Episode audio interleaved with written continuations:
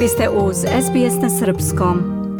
Vi slušate SBS radio na Srpskom. Ostanite sa nama, ja sam Biljana Ristić.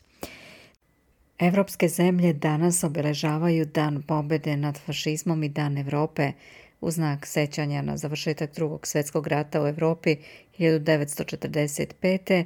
i početak stvaranja Evropske unije pet godina kasnije. Ove godine se obeležava 77. godišnjica završetka drugog svjetskog rata i 72 godine od pokretanja inicijative za stvaranje Evropske unije.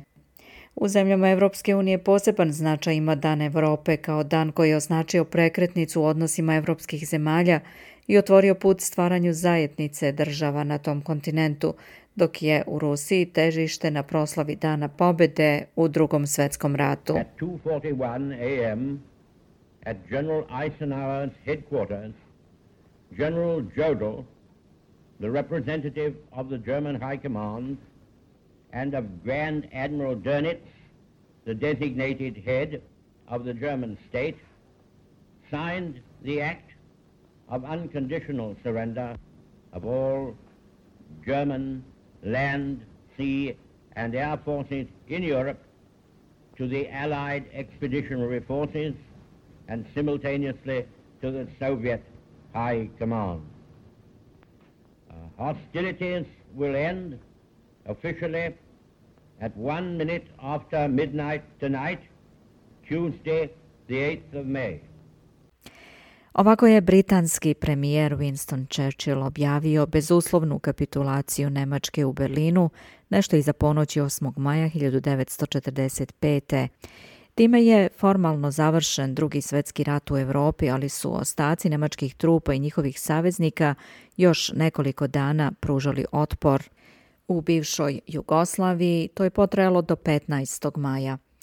Ipak datum koji predstavlja službeni završetak drugog svetskog rata jeste 2. septembar, kada je na američkom bojnom brodu Misuri u Tokijskom zalivu Japan potpisao kapitulaciju posle bacanja atomskih bombi na Hirošimu i Nagasaki. U ratu koji je trajao nešto manje od šest godina našla se 61 država i oko 110 miliona vojnika. Procene govore o 50 do 80 miliona poginulih, od toga je civila bilo između 38 i 55 miliona. Državna komisija bivše Jugoslavije svojevremeno je objavila da je u ratu poginulo 1.706.000 osoba, među njima više od 300.000 boraca. 9. maj obeležava se i kao Dan Evrope, jer je tog dana 1950. ministar spolnih poslova Francuske Robert Schuman objavio deklaraciju kojom je pozvao na uspostavljanje novog projekta u kojem ne bi bilo mesta za sukobe među evropskim zemljama. Les gouvernements allemand, italien, belge, néerlandais et luxembourgeois répondent immédiatement à l'appel français. Suština njegove ideje bila je uspostavljanje zajedničkih tela, tačnije odnosa, najpre u proizvodnji i distribuciji uglja i čelika kao temelja industrijske snage – Naredne godine osnovana je Evropska komisija za ugalj i čelik, koja je vremenom prerasla u Evropsku ekonomsku zajednicu, da bi četiri decenije kasnije, 1991. u holandskom gradiću Maastrichtu bila proglašena Evropska unija.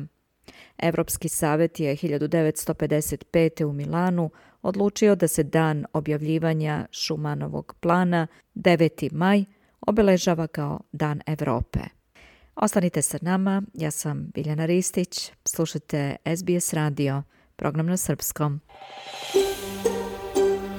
Želite da čujete još priča poput ove?